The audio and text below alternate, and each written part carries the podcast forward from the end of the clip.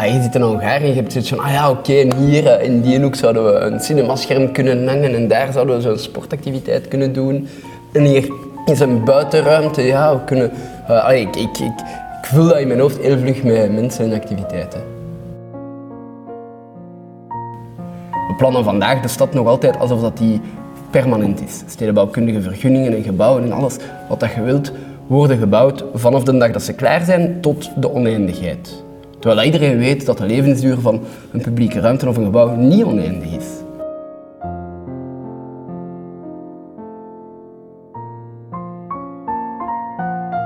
In het begin hebben we op Aleducaille voetbalmatchen uitgezonden en merkten we dat dat was tof, dat was een leuke ambiance, maar dat waren, dat waren onze vrienden. Om het cru te zeggen, dat waren Nederlandstalige blanke middenklasse jongeren uit, eh, uit het Brusselse en daar rond.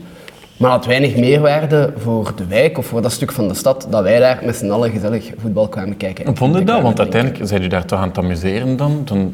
Dat wel, ja, dat is plezant voor ons. Ah, wel ja. Maar- Dus, ja, wat is het probleem? Meer moet dat niet zijn, oké, dat is goed. We gooien iedereen buiten en we doen dat. Ja? Nee, ik vind dat niet. Ik vind zeker als je geld krijgt van de overheid, wat dat daar het geval is, hè, we krijgen middelen om dat project te runnen en we krijgen gebouwen van de overheid, vind ik, eh, je krijgt eigenlijk iets dat van iedereen is. Mensen vergeten dat soms, maar wat dat van de overheid is, jij hebt daaraan betaald, mee betaald, ik heb daaraan mee betaald, iedereen heeft daaraan mee betaald. Dus eigenlijk is dat niet van de minister, nee, dat is van ons allemaal. Dus als je die plekken dan gaat gebruiken die van eigenlijk iedereen zijn, met geld dat eigenlijk ook van iedereen is, dan vind ik dat je ook iets moet doen dat ook voor iedereen is. En als je dan alleen met je vrienden naar de voetbal gaat kijken, heel tof hè, en dat is inderdaad goede ambiance, maar dan moeten we daar niet per se geld van de overheid voor krijgen. En dus hebben we gedacht van oké, wat, willen we wel doen dat echt voor iedereen is en hoe kunnen we dat doen, hoe kunnen we hier meer mensen naartoe krijgen. En dan zijn we beginnen kijken naar wat leeft er hier allemaal in de buurt, in de directe buurt, de Maritiemwijk, de Noordwijk, maar ook breder in de stad. Van mensen die initiatieven hebben, die iets willen doen voor de stad, voor de samenleving, voor mensen die het misschien niet gemakkelijk hebben, en die daar ruimte voor zoeken. En in het begin vonden we niet direct mensen, maar dan begon die een bal te rollen. Dan hadden we een boxclub en een skategroepje en mensen die een fietsatelier wouden beginnen. En zo is dat eigenlijk stilaan gegroeid en hebben we vandaag een dertigtal partners die heel uiteenlopende dingen doen. En dat vind ik dan het interessante, dat je zegt van oké, we doen het niet alleen met onze, met onze vrienden, maar we maken net een plek die eh, heterotopisch heet dat dan soms, hè, die, die heel divers is en die heel veel verschillende mensen bij elkaar brengt. En die eigenlijk echt een soort van gecondenseerde mini-stad is, waar dat je ook, hè, je hebt conflict, je hebt eh, moeilijkheden, je hebt mensen die elkaar niet verstaan omdat ze andere talen spreken. Maar net dat is interessant, net dat genereert interactie en, en maakt dat mensen ehm, elkaar tegenkomen, elkaar leren begrijpen. dat hadden we niet gehad als we gewoon de voetbal waren blijven kijken. hè. Wel ja, toen, je sprak in het begin over meer mensen, maar eh, je had toen veel mensen met Mhm. de voetbal. Hè? Dus het ging niet over meer mensen, maar het ging over andere mensen, over diverser. Ja, meer verschillende, ja, Ja. klopt. Ja. Want in het begin bereikten daar toch niet meer mensen mee met van zo grondig van aanpak te switchen. Maar wel een interessantere mix, wel interessantere ontmoetingen, interessantere gesprekken. ehm, en een, voor mij ook een, een, een grotere meerwaarde. Dat je, allee, mijn vrienden kunnen ergens anders ook de voetbal gaan kijken. Die gasten die kwamen boksen, die hadden geen andere plek om te boksen. En boksen was voor hen echt een manier om niet op straat te moeten rondhangen. En dan vind ik dat meer waard dan met vrienden bier te kunnen drinken en voetbal te kunnen kijken.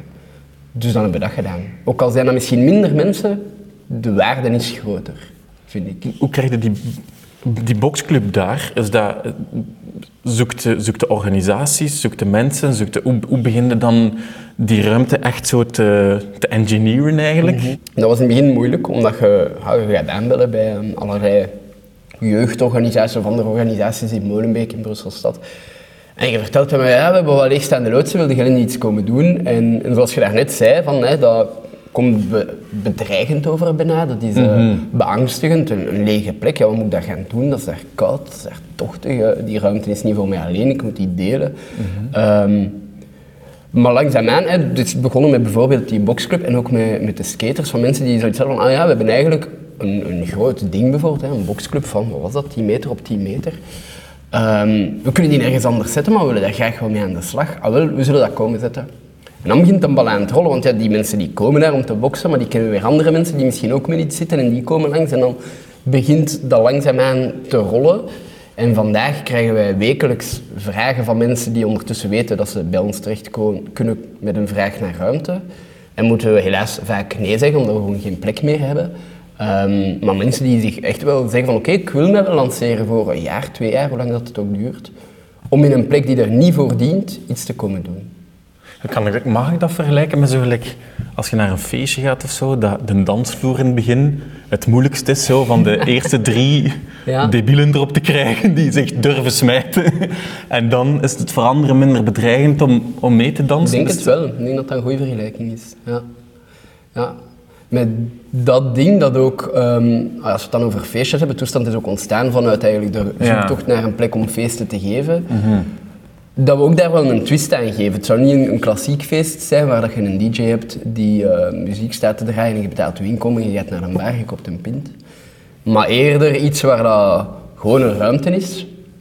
En we hebben dat ook gedaan, dat, dat heette voor iedereen door iedereen, waar dat mensen gewoon binnenkomen met drank, kleren, eten om te ruilen, om te geven, performances te doen, waardoor dat misschien die drempelvrees in het begin nog hoger is, mhm. maar waardoor dat er wel toffere dingen gebeuren, omdat mensen veel meer met elkaar in interactie gaan.